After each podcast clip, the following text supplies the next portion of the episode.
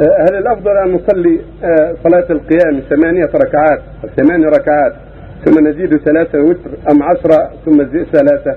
الأفضل 11 وإذا صلى 13 فلا بأس. فعل النبي هذا وهذا. أيوه. صلى مرة 11 ومرة صلى 13 كان يصلي هذا تارة وهذا تارة على أيوة. والاغلب 11 وإذا صلوا 20 مع الوتر أيوة. أو أكثر فلا بأس. طيب. مثل ما فعل عمر والصحابة. أيوة. أيوة. لا حرج في ذلك. الامر في هذا واحد. أيوه.